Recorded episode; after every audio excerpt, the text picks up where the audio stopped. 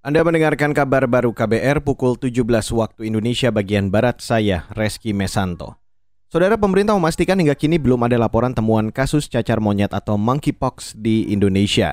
Menteri Kesehatan Budi Gunadi Sadikin mengatakan, meski belum ada laporan temuan kasus, pemerintah akan terus memonitoring virus ini. Oh, monkeypox, monkeypox sampai sekarang belum belum terlihat dari kita, tapi kita monitor terus. Itu kan asalnya dari Afrika. Itu kebawa ke Inggris. Inggris saya udah lihat ada di Australia. Dan saya beruntung kemarin sudah ngomong juga dengan GIS8. Dulu itu di, di dunia itu nggak ada registrasi untuk virus ini ke mana. Ya, jadi baru kemarin ngobrol sama teman-teman di GIS8 itu udah masuk di GIS8. Nah, jadi dengan gitu kita bisa lihat data sebaran. Tapi belum ada di Indonesia. Saudara itu tadi Menteri Kesehatan Budi Gunadi Sadikin. Organisasi Kesehatan Dunia WHO menyebut penyebaran kasus cacar monyet meningkat dua kali lipat sejak Inggris mengumumkan kasus pertamanya Mei lalu.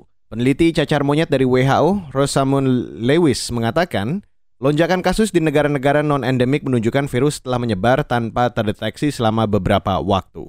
Beralih ke berita selanjutnya, Saudara, DPR meminta pemerintah melobi otoritas Arab Saudi terkait batas usia calon jamaah haji. Saudi menerapkan syarat usia jamaah haji maksimal 65 tahun. Anggota Komisi DPR bidang agama Buhori Yusuf mengatakan, pemerintah perlu bernegosiasi dengan Arab Saudi untuk mempertimbangkan ulang syarat umur itu. Menurutnya, syarat itu tidak relevan untuk mengukur kondisi kesehatan seseorang.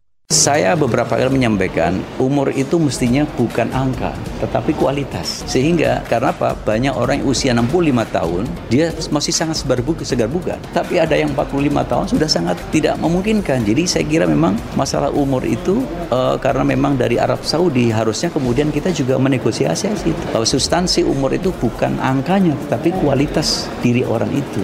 Karena basis penetapan umur itu adalah masalah kesehatan. Anggota Komisi DPR Bidang Agama Buhori Yusuf berharap aturan batas maksimal usia jamaah hanya diterapkan sementara. Menurutnya setelah masa transisi COVID-19 terlewati, aturan itu seharusnya dihapus.